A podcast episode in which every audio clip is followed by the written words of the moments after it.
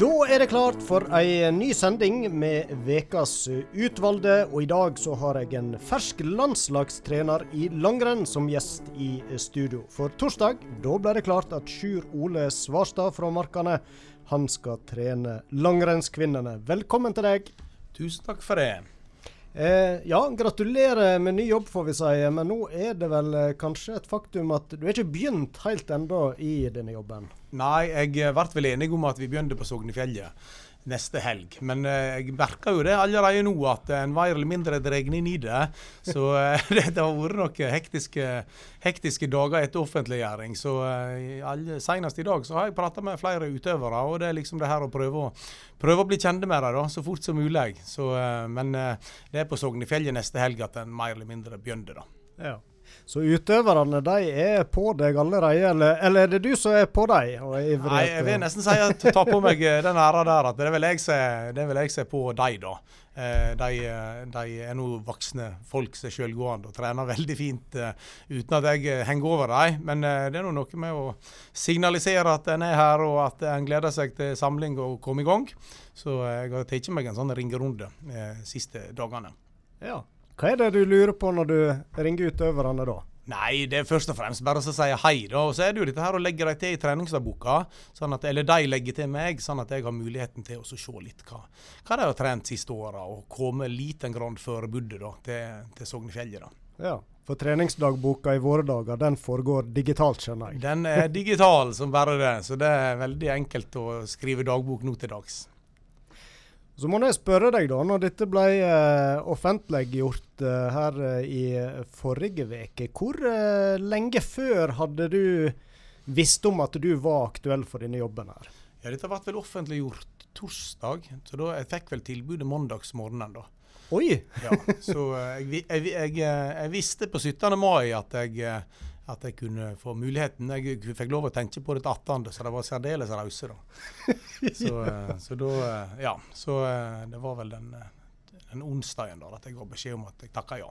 Ja, Så da gikk du i tog, og tankene var kanskje helt andre plass, og du grubla fælt på dette? da? Ja, det var, ikke, det var ikke enkelt å holde seg på rekkene.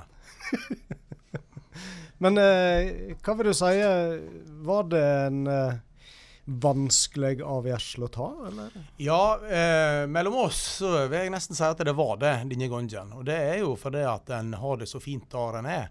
Eh, jeg har hatt noen veldig fine år på Stryn videregående skole. Eh, og det syter løst å kjøre inn, inn, der hver dag og, og uh, reise ut på økter med elever. Eh, men så er det jo noe med denne spenninga likevel i livet. Da, så en søker og når en kommer i dialog og ser at en etter hvert kan komme seg i posisjon til å få et sånt uh, tilbud, så, så, er det fryktelig vanskelig å si nei òg. For det er noe så kjekt å jobbe med veldig gode skiløpere.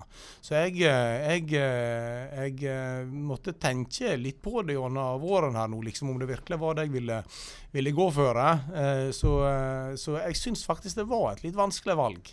Det var det. Og jeg, jeg vet jo ikke om en har valgt rett ennå heller, men en har, jo, en har, jo, fått seg en permisjon fra Stryn videregående, så en føler jo ikke at en har så mye å, å tape på. Og så prøve en runde til, da. Det er det. Men så er det jo òg noe med dette der at en har vært med før og på godt og vondt. ikke sant? Altså At en vet hva det koster av krefter og energi og litt sånn. Det er jo sånn som en har tenkt litt på. Eh, og så veit jeg hvor løye det kan være. Altså disse samlingene og disse turene og sånn. Sånn at det er, liksom, der er plusser og minuser med hver en jobb, også denne landslagsjobben der. Og så, og så er det jo um, en jobb som har fått ganske mye oppmerksomhet uh, nå etter sesongslutt og fram til tilsettinga. Rett og slett fordi uh, en mener at det kanskje resultatet av de har uteblitt litt på kvinnesida, hvis vi ser nå selvfølgelig vekk fra Therese Johaug sine bragder. Eh, var det noe du tok med inn i vurderinga? At det er noe Vi skal ikke kalle det en Urias-post, men det er iallfall eh, noen forventninger nå om at en kanskje skal ja, komme enda mer i kapp eh, med utlendingene i langrennssporet? Ja, nei, jeg absolutt noe jeg eh, tenkte en del på. Men nå har jeg sjøl vært rekruttlandslagstrener tidligere. Og jeg eh, tykker ofte at det kan være løye å ha ei gruppe som ikke nødvendigvis har favorittstempelet. Eh, og nå har vi altså i 15-20 år hatt enerne i internasjonal kvinnelangrenn. Så det er en veldig uvant øvelse dette her, faktisk for eh, både vi som står i det og det norske publikum, å vite at nå er det faktisk en gjeng utlendinger som faktisk på papiret ser bedre ut, altså. Eh, men jeg syns det er spennende. Jeg, jeg, liker å være i angrepsposisjon, det har jeg alltid gjort i de jobbene jeg har hatt. Sånn at jeg syns nesten at det er en fordel, selv om vi selvsagt medaljestatistikker og sånn, vi, vi vil jo slite da med disse resultatene til Johaug og Bjørgen som, som, vi har på en måte har vært så fantastisk bortskjemte med. Mm.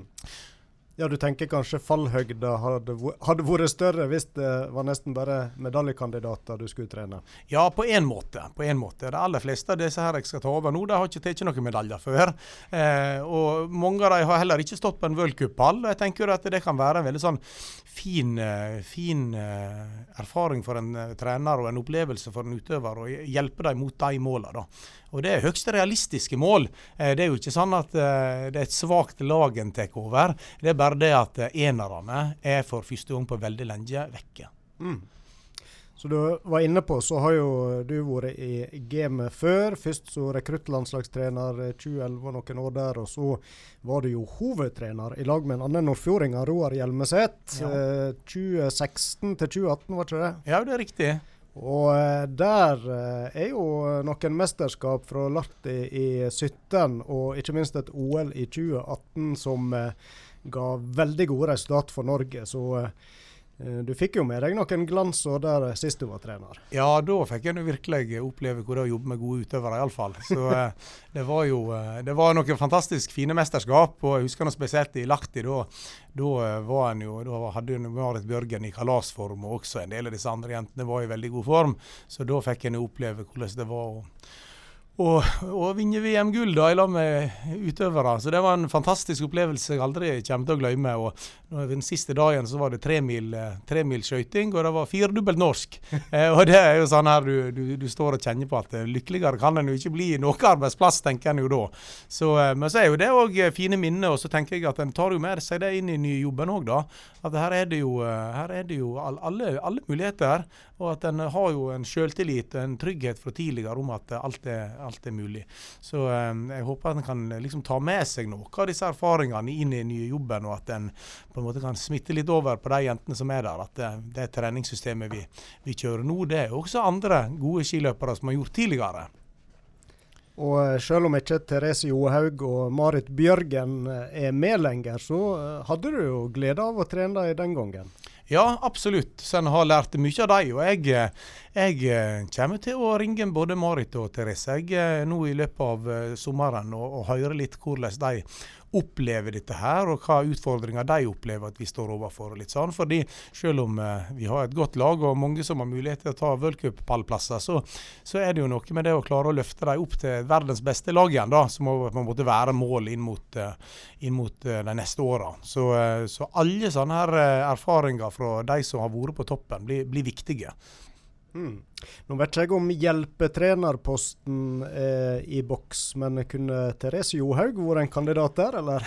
ja, hun er nok mer opptatt med, med, sin business, eh, med klesmerker og litt forskjellig. Så hun, eh, hun, selv om hun har lagt skia på hylla, så er jeg helt sikker på at det en der er ganske fulle avtalelister. Men det hadde selvsagt vært helt konge. Eller, eller Marit Bjørgen, eller Ja, så det, det er sant. Men det, det, er noe med det å ta en sånn jobb, så må du virkelig ha sette av tid til det og, og, være på hugget. Så jeg eh, tror vel at de har flere baller i luften. Ja. Han uh, Hjelmeset, kan han være en å dra inn igjen i spillet, han òg? Ja, nå har han fått litt familie, han òg, så jeg tror ikke han er like enkel å dra inn i, inn i spillet lenger. Men det hadde nå selvsagt vært vanvittig kjekt. Eh, det er jo en, en, veldig veldig god trener som jeg har hatt mye glede av tidligere.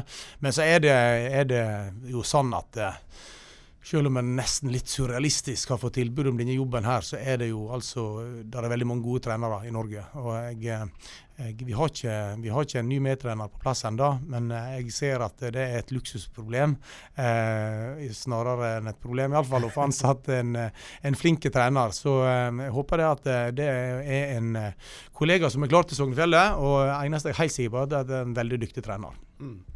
Får du ha et ord med i laget der, eller? Ja, jeg, eh, jeg får nok ha et ord med i laget der. Det er litt viktig at en med så mange reisedøgn i lag eh, tåler tål tryna hverandre, holdt jeg på å si. Så eh, en, det må være en sånn form for kjemi, da. Men så er jeg òg relativt omgjengelig som sånn person. Så det er, jeg trives jo stort sett i lag med mennesker, da. Så jeg tror at dette der skal ordne seg ganske bra, da. Mm. Har de sagt noe om hvorfor det var akkurat deg de ville ha i denne jobben? Ja, hva skal jeg si da. Det er noe, jeg tror det å være trener er et veldig sammensatt yrke. og Den er sikkert noen målbare kvaliteter, og så kan det være noen kvaliteter som ikke er målbare.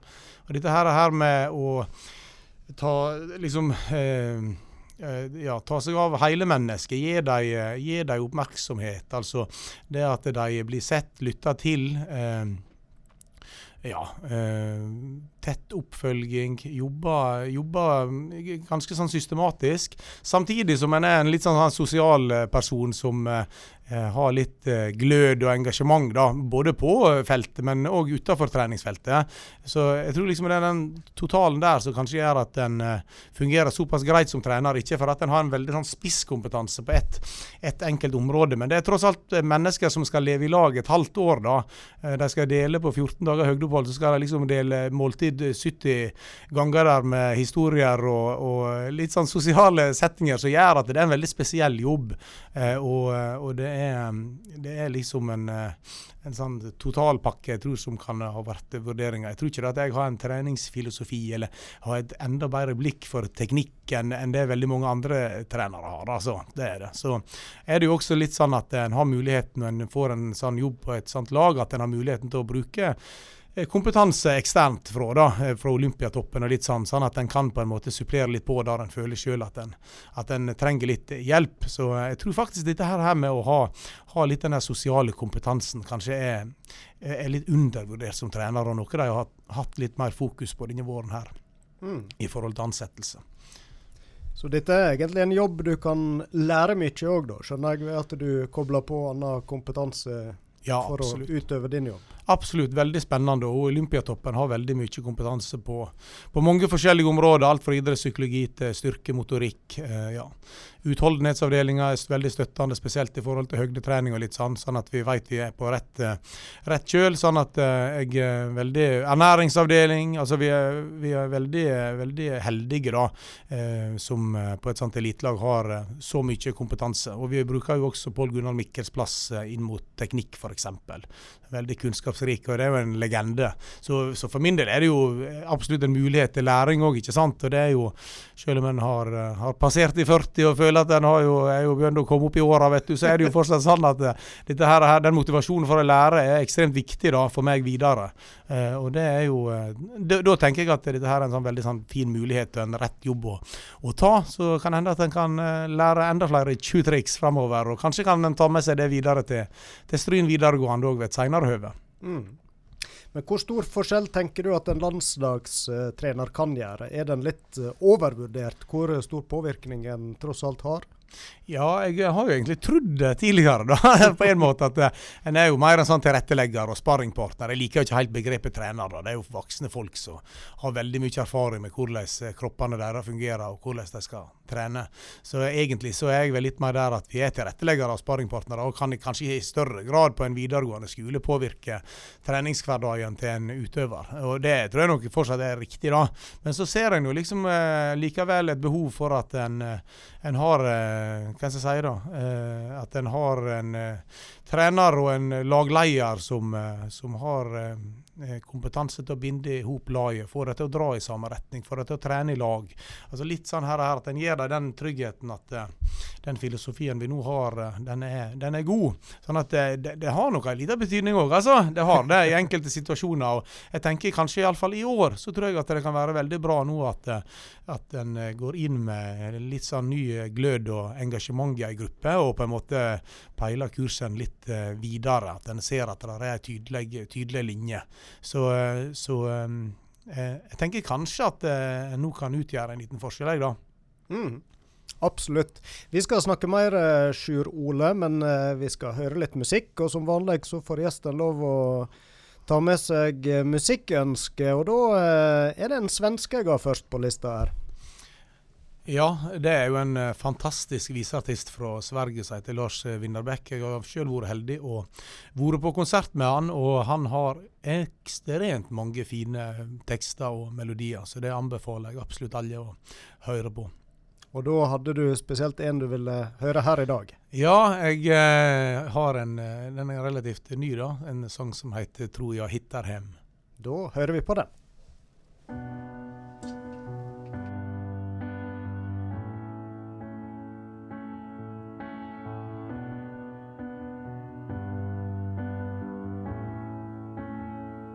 Det är skymning över Småland Vi passerar jätten visst ett eldhav över himlen som nyss var grå och trist. I halva mitt liv, i två decennier har jag rest och flängt. Vid skymning har jag öppnat, vid gryning har jag stängt. Till vänster ligger Vättern, till höger sitter du. Det var ett långskott en oktoberkväll. Nu är vi man och fru. Det fanns en stjärna i öster som Viktor Rydbergs vackra ord. Men jag har också varit en annan kall som kärlen här i nord. Så det finns mycket trolleri kvar. Nu gör vi om allting igen. Släpp mig var som helst. Jag tror jag hittar hem.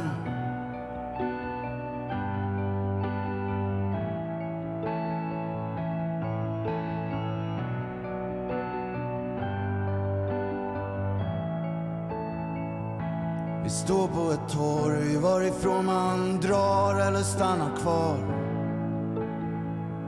En ringmur av varuhus och gamla dimmiga svunna dagar. Här är minnenas gator och du kan stanna här en stund. Men blir du kvar för länge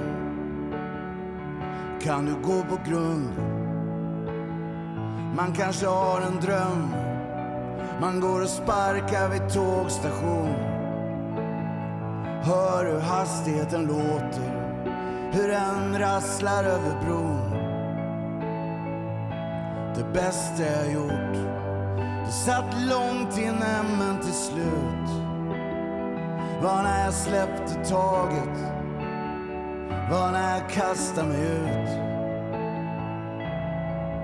Det finns broar kvar att bränna, nu gör vi om allting igen. Släpp mig var som helst, jag tror jag hittar hem.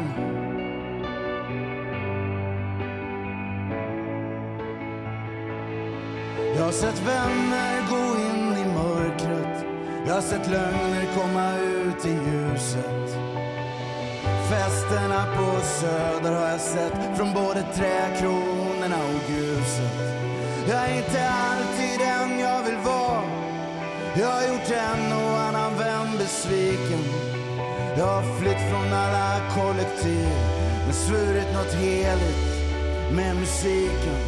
Släpp mig var som helst i världen. Jag tror jag hittar hem. Det var Lars Winnerbäck med 'Jag tror jag hittar hem'. Og vi har med Sjur Ole Svarstadvi som gjest her i uh, denne vekas uh, utvalgte, den nye kvinnelandslagstreneren. Og jeg tenkte vi kunne prøve å bli litt uh, bedre kjente med hvem du er. og Du var vel inne på det at du er en mann som bikka 40 år, men eh, kanskje du kan fortelle hvor du er oppvoksen? Ja, det er noe enkelt å fortelle. Den ute i ute i nei, jeg er oppvokst på Longeset, og jammen bor jeg der ennå. Så eh, det var ikke så mye å fortelle da. en, eh, en gikk nå på skole i, i Stryn og opp videregående. Det var vel allmennfag det het i de dager. Ja. Så, så, da bodde en ute ut på Longeset, ja. Og så gikk vel på Markane skole seks år, faktisk. Ja.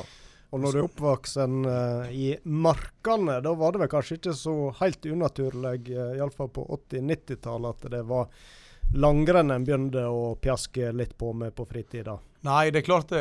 Allerede da så var jo Ulsheim skistadion i ferd med å bli et eh, bra anlegg. da, Selvsagt ikke sånn som det er i dag, men det var nå eh, eh, en kort vei dit. og Vi var en gjeng ute i markene som gikk på ski. Og, og, vi var med på renn rundt omkring. og Vi var ei liten treningsgruppe som samles tre, tre dager i veka, og, og det var egentlig naturlig at langrenn ble førsteidretten, da, i den forstand. Nå skal ikke jeg skryte på meg at jeg dro det så veldig langt, da, men jeg, jeg, gikk jo aktivt og var med på juniorrennet fram til 17-18-årsalderen. Så, så det langrenn har betydd veldig mye for mitt liv, altså hele veien. Denne skileiken og, og aktiviteten på ski. Så det, det, er noe som står mitt hjerte nær den dag i dag. Mm. Men uh, du drog ikke det lenger enn til junioralder for en del? Nei, det, det, gjorde jeg nok ikke. Det var, var, vel, det var vel et NM på heimebane der, junior-NM på heimebane i år 2000. Men da var jeg vel allerede noen måneder siden jeg slutta å trene, tror jeg. Så det ble vel for så vidt siste junior-NM, og det var mitt desidert dårligste junior-NM. Men eh, nei, eh, det ble vel litt slik du følte det at du hadde ikke helt farten i sporet. Og kanskje din største treningsmotivasjon til å holde det gående. Slik at jeg er glad jeg, er glad jeg ga meg når jeg gjorde det. Eh, men, men heldigvis så skulle jeg nå få få gløden for langrenn tilbake igjen da, på et senere tidspunkt. Mm. Så da, Etter at jeg var ferdig på videregående, så reiste jeg et år i, i militæret. Var i Telemark bataljon på Kongsberg. og Jeg kan godt huske at det var VM i, i Lahti i 2001 da, men jeg er helt sikker på at jeg ikke så et eneste minutt. Jeg var liksom kobla helt ut av alt som heter langrenn. Altså var virkelig, virkelig ferdig med det, altså. Etter å ha drevet på hele ungdoms- og, og junioralderen. Så, eh, så uh, fikk jeg noe valg da, om jeg skulle reise til, til Kosovo der, uh, eller om jeg skulle, skulle uh, begynne på idrett grunnfag i Sogndal. Og der fikk jeg gløden tilbake. Så det ble veldig bra. Jeg gikk noen år der. reiste til Oslo, tok mastergrad i utholdenhetstrening og fikk jobb på Hovden skigymnas. Da var egentlig ballen begynt å rulle såpass kraftig at en var i Skiforbundet i løpet av tre og et halvt år på rekruttlandslag. Ja. Men var det opplagt for deg da du begynte på eh, trenerstudiet at det var langrenn som skulle være idretten da, eller var du innom andre ting? Nei, det var vel kanskje opplagt det. Jeg ble jo knytta litt inn mot Krinslaget. Eh, så da, eh, Det var vel egentlig der gløden virkelig kom, da, i 2003. Så da jeg begynte å studere, så var jeg ikke klar over at det skulle være langrenn. Da var det mer en generell interesse for trening og, og kanskje å bli lærer eller noe sånt. da. Så liksom den der langrennsdelen, den kom litt etter hvert. Mm. Ja, Du nevner Hovden som uh, første, første, jobb i uh, trenergjerninga. Hva, hva, type jobb var det? Nei, det var ikke helt første jobben. For jeg var jo på Sogn og Fjordane skikrins eh, fra 2003 til 2008. Men på Hovden skigymnas fungerte den mye sånn som den gjør i dag at en fikk et utvalg eh, utøvere eh, på, på, junioralder. Så eh, det var langrenn, da. Det var ikke skiskyting. Men eh, bl.a. Maiken Falla møtte jeg for første gang der. Hun var jo vært veldig god da, seinere. Så eh, det var en lovende gjeng på Hovden som eh, vi hadde det veldig mye moro i lag med. da. Så, så, da følte jeg veldig at jeg var kommet på rett plass, egentlig, altså. Mm. Og Falla er jo en annen løper som nettopp har sagt at hun gir seg òg, så de ja. begynner å bli så gamle at de, de gir seg, disse utøverne du først møtte. da. Ja, det ser jeg flere og flere som legger opp, så jeg burde vel gjort det jeg òg for en stund siden. Men nei, det er sant det. Det går fort ti år, og, og, eh, de som var unge da, de er faktisk lagt opp nå. Ja. Mm.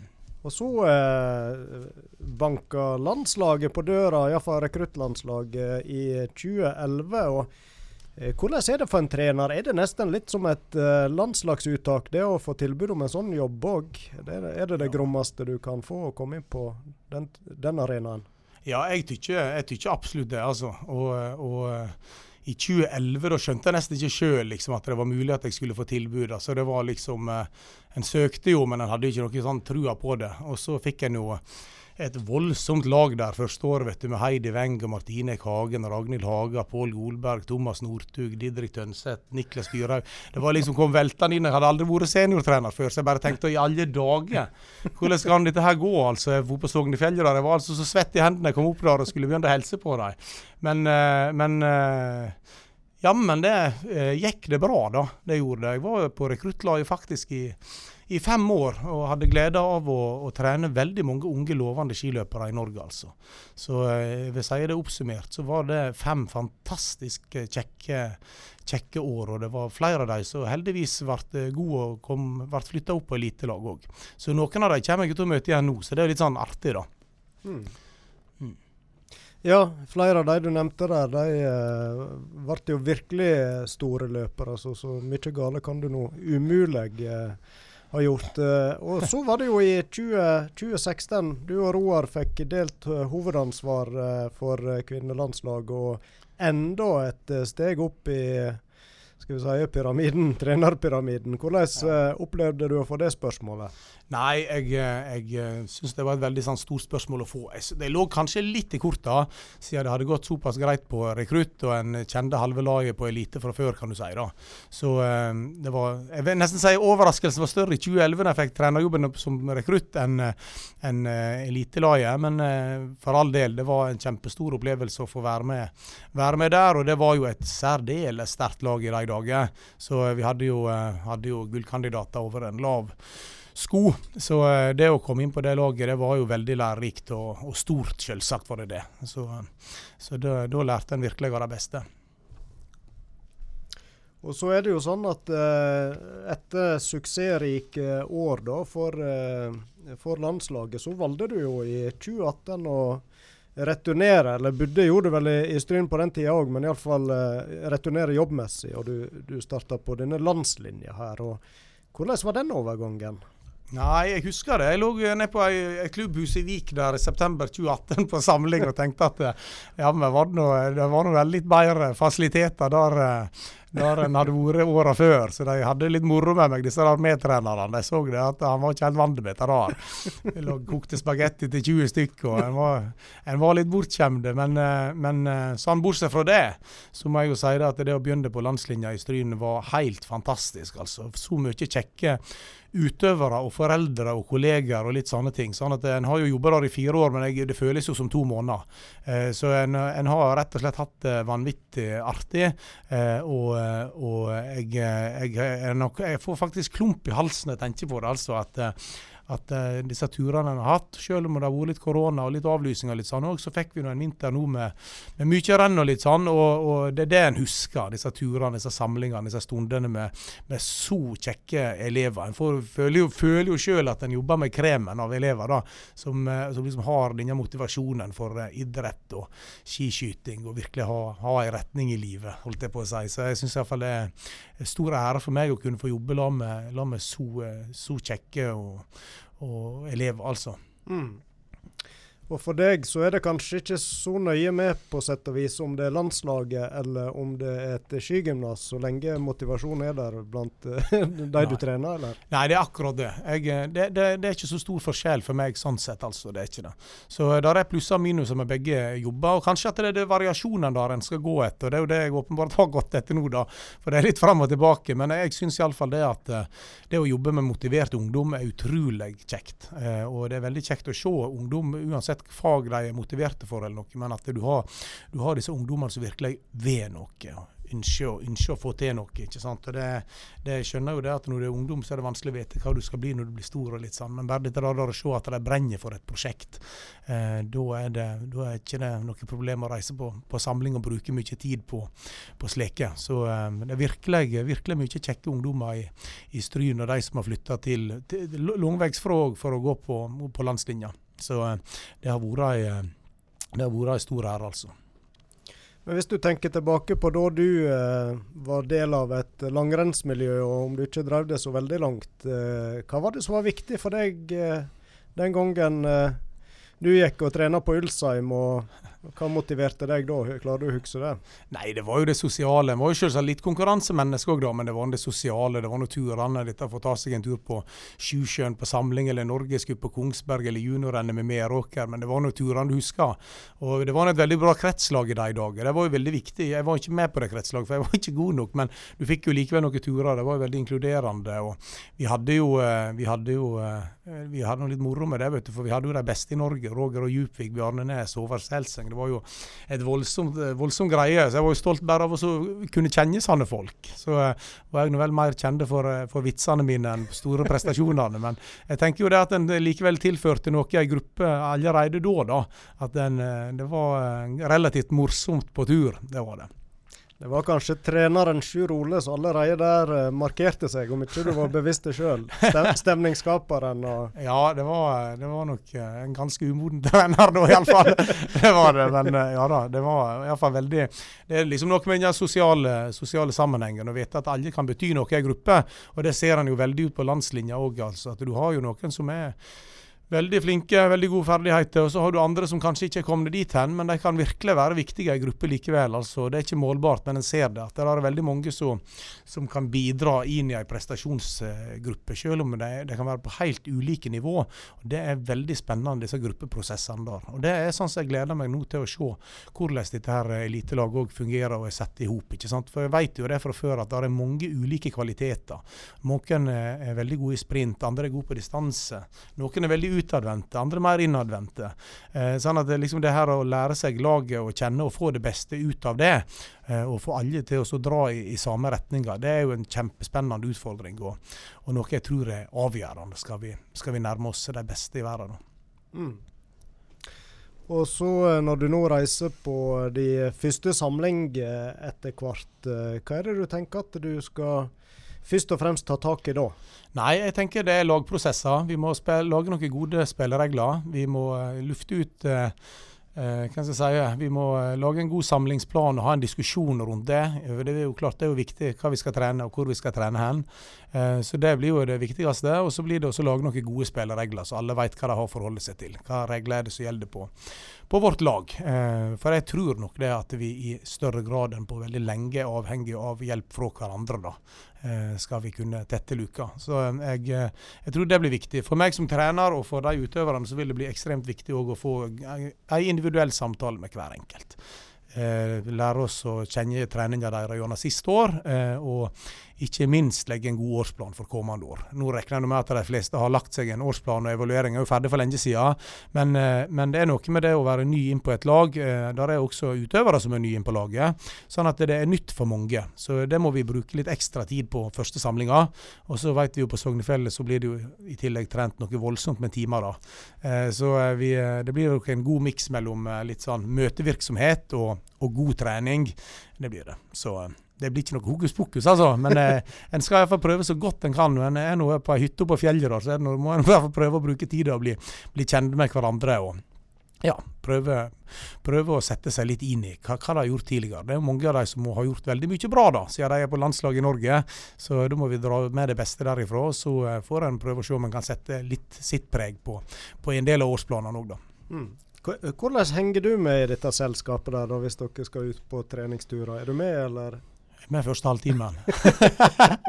Nei, jeg, eh, jeg, sier det så lenge det går rolig i front der, så skal jeg kunne klare å gå en stund i lag med dem på ski eh, og springe. Så jeg, eh, jeg, pleier å si at den dagen jeg ikke kan være med på en tretimerstur rolig jogg, så, så, må jeg gi meg. For det, det, er jo kjekt å kunne være med på noen økter.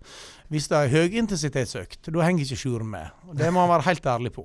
Så han, De springer rett fra meg i motbakka. Enkelt og greit. Og rulleski det tror ikke jeg jeg gidder å prøve engang. Da, da går de rett fra meg. Men det å kunne være med på en rolig langtur på rulleski eller rolig springing, det tror jeg er veldig viktig for som trener iblant å, å kunne være med på. da. Så det har jeg nå som mål å, å, være med på en del av, av det. og være, Kjenne litt på farten og, og, og prate med dem. Det er, jo, det er jo ofte det vet du, i siste time av en tretimerstur at de djupeste samtalene dukker opp.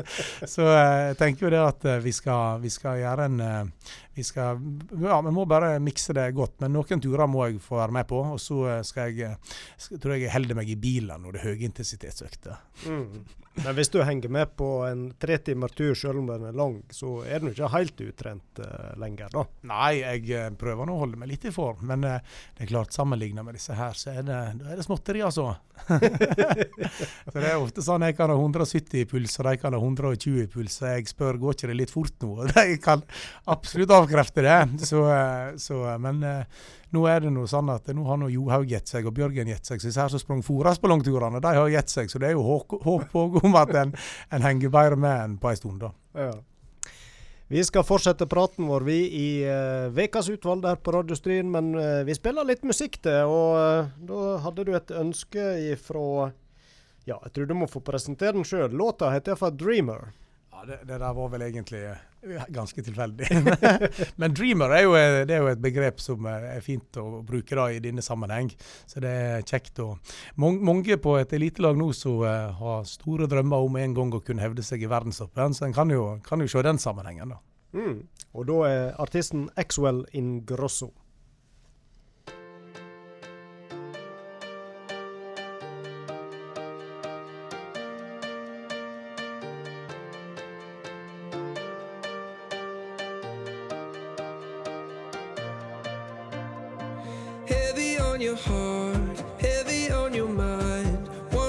the streets tonight.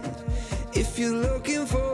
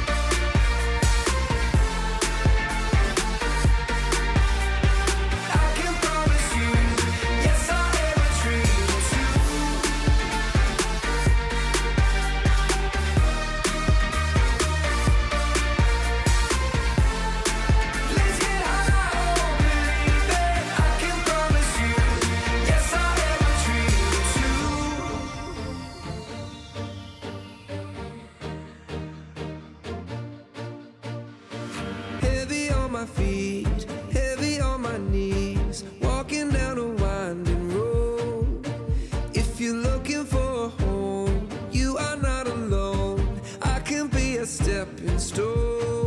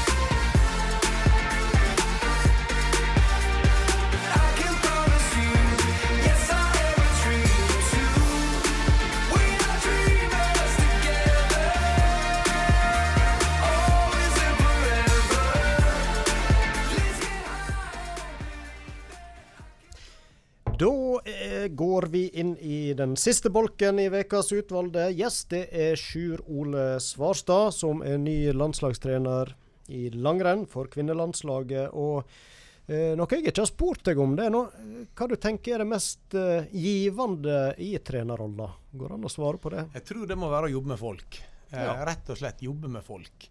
Eh, men eh, utvikle folk. Altså få dem til å lykkes, få dem til å nå sine mål. Det er noe med det. At en har liksom et prosjekt.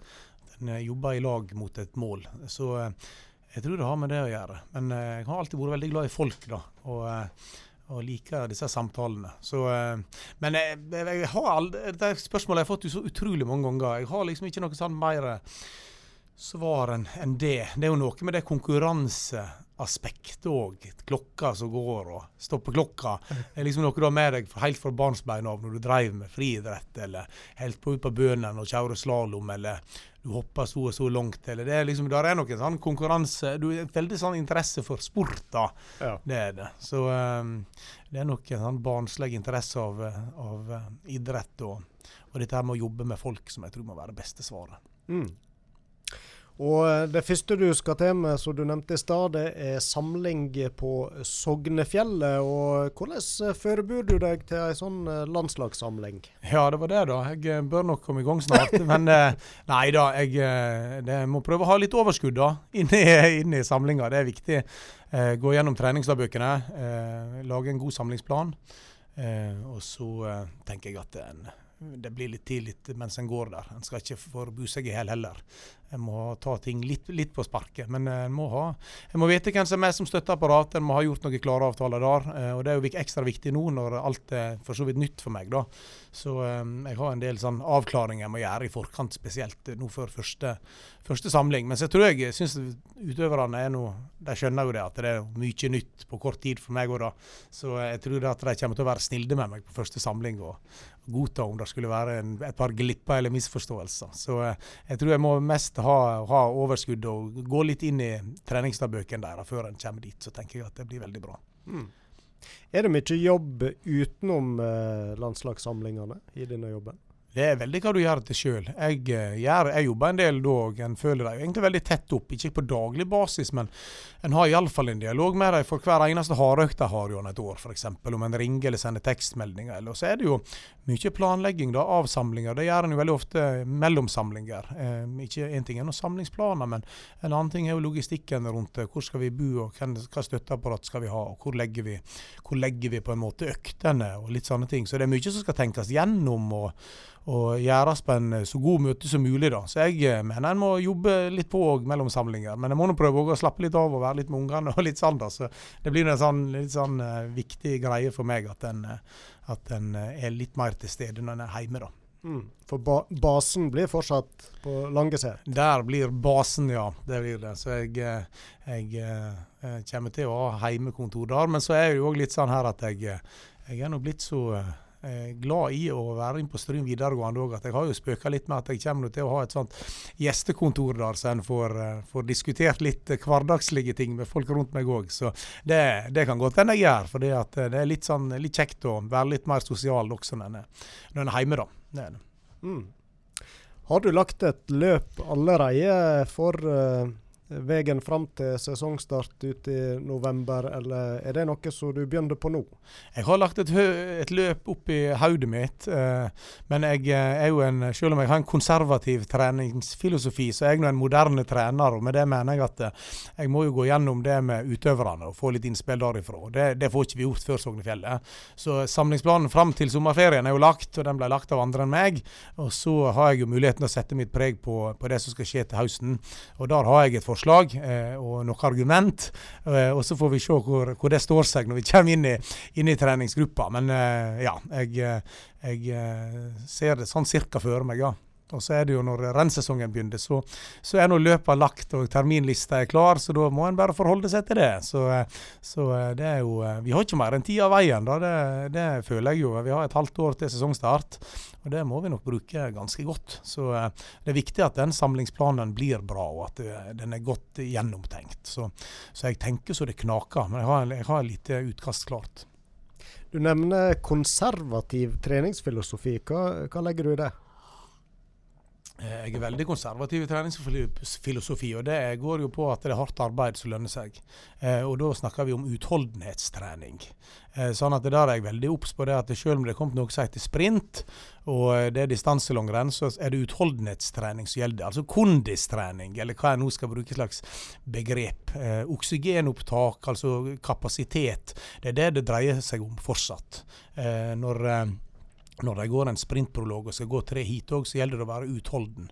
Eh, og Så er det jo mange veier til utholdenhet, men jeg tror at eh, den enkleste veien er rett og slett å trene ganske mye. Veldig mye på rolig intensitet uten altfor store avbrudd. Eh, og så har du også en del gode hardøkte. Eh, og Det betyr at du kanskje forsømmer en del andre ting, som f.eks. hurtighet, styrke. Eh, litt sånn her eh, fiksfakseri, som jeg pleier å kalle det. Eller krydder, som det også heter. Men jeg tror det at eh, det som har prega våre en av de siste 15 åra, det er utholdenhet. En ganske unik utholdenhet. Eh, og hvis vi kan klare å heve utholdenheten til hver av disse elleve jentene nå, til neste år, så tror jeg at de kommer til å ta et, et steg.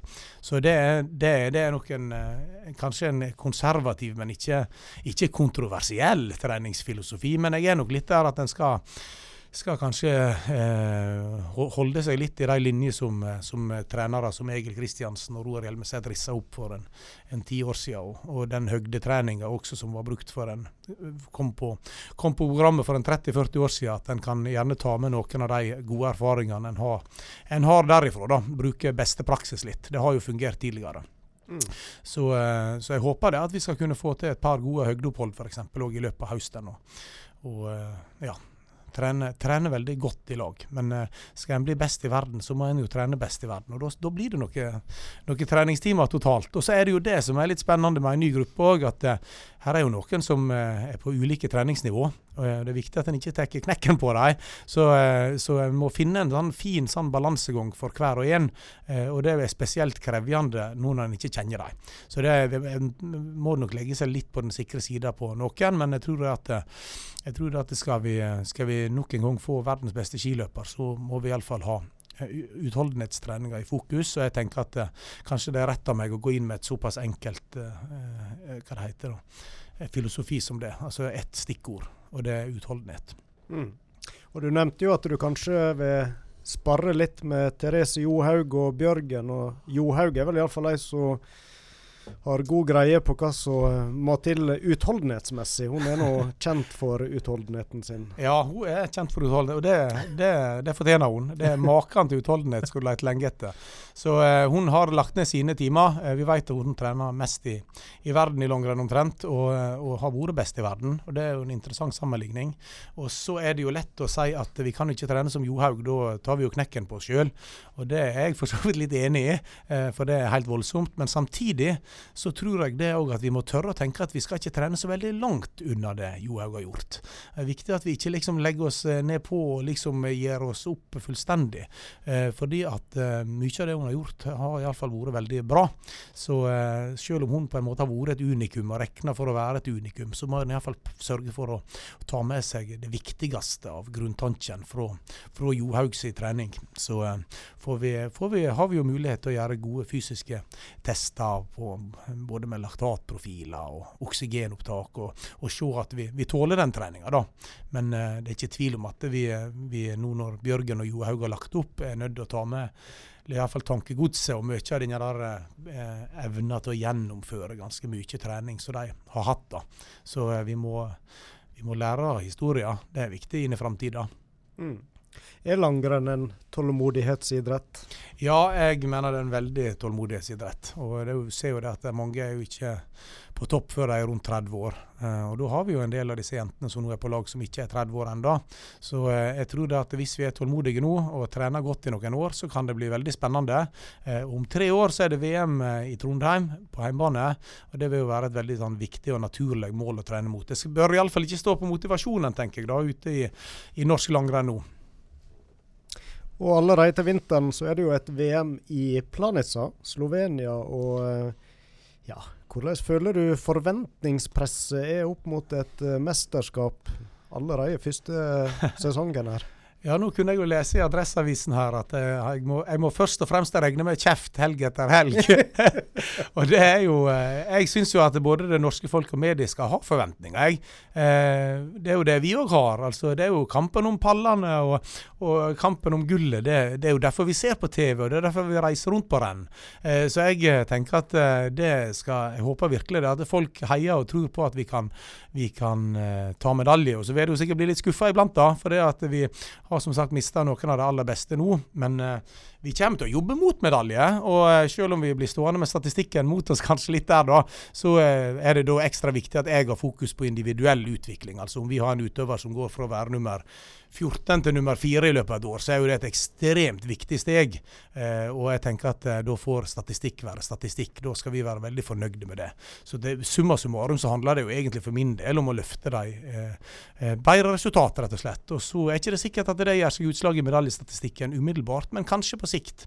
Så eh, jeg må ta ett steg om gangen nå. Jeg må være tålmodig.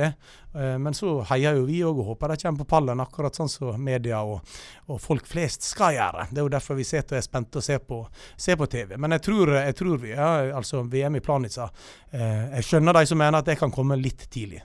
Mm. Ja. Og så er det vel sånn at du som trener, du skal vel ta av litt av presset på enkeltutøverne òg. Eh, men hvem er det som tar av presset fra dine skuldre, da? Nei, det er ingen det. Så nå er, nå er en fritt vilt. Nei da, men det er jo klart vi er jo et stort team som jobber i lag, og det er det som er bra. da. At en har liksom muligheten til å jobbe i lag med veldig rutinerte folk på alle funksjoner. Så jeg tenker kanskje det at eh, en står aldri alene om dette her, selv om en kanskje kan se sånn ut i media litt sånn. Så er vi jo et team som planlegger og evaluerer veldig godt i lag. Mm. Hvem er det som er del av teamet ditt? Nei, Det er jo en uh, Espen Bjervik som er min sjef. da, og Så har vi jo en trenerkollega her en medtrener. Vi har en Pål Gunnar Mikkelsplass, en sånn tredjetrener, holdt jeg på å si. Og så har vi med lege, fysioterapeuter, mentale trenere. Eh, mye ressurser inn på Olympiatoppen. Så det er jo egentlig et veldig stort team. det er det. Og så har vi jo herretrenerne og resten av det systemet som, som vi også sperrer en god del med. da. Så, eh, og så har jo også løperne eksterne sparringspartnere hjemme, noen av dem. Sånn at det er mange som er på en måte inne og diskuterer trening med meg og på en måte former framtida. Så en står ikke så alene som det kan se ut i media. altså.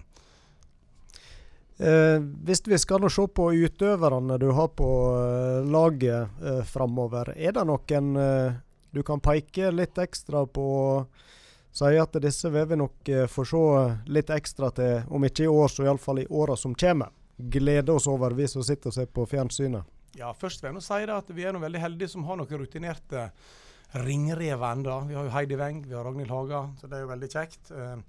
Kanskje forhåpentligvis Ingvild Flugstad kan være med, det får vi se. Eh, og så har vi jo de unge Fossesholm, da, en veldig ung, lovende utøver som gikk på en smell i høst, men som eh, vi håper kommer tilbake. Hun er jo ikke eldre enn Frida Karlsson, et par og 20 år, så hun kan vi jo få mye moro med i framtida. Så har vi Mathilde Myhrvold, en lovende sprinter. Og så har vi et rekruttlandslag, et juniorlandslag, som også kommer opp med noen spennende utøvere i framtida. Og det er veldig viktig at vi har det samarbeidet ned der, for det kan jo plutselig være at det er på et av de lagene at uh, vår neste ener er. Så uh, jeg er veldig opptatt av det at nå må vi liksom trå til alle sammen nå da, for norsk kvinnelangrenn. Og samarbeide godt i lag og, og, og, liksom evaluere godt i lag og planlegge videre, sånn at vi har en, har en rød tråd gjennom rekrutteringsarbeidet vårt. da. Mm.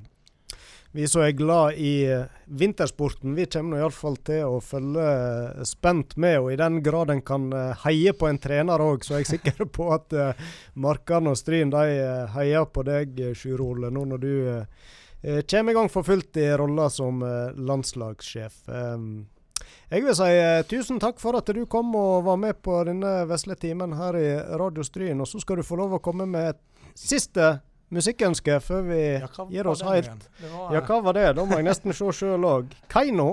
Kaino, ja. Det, vi kjører litt uh, joiking på slutten her. Det er bra, det. ja. Det høres veldig bra ut. Uh, da sier jeg tusen takk til deg, Sjur Ole Svarstad. Takk for at jeg kom. Takk, takk. Ny landslagstrener i langrenn, og vi ønsker han lykke til med den jobben.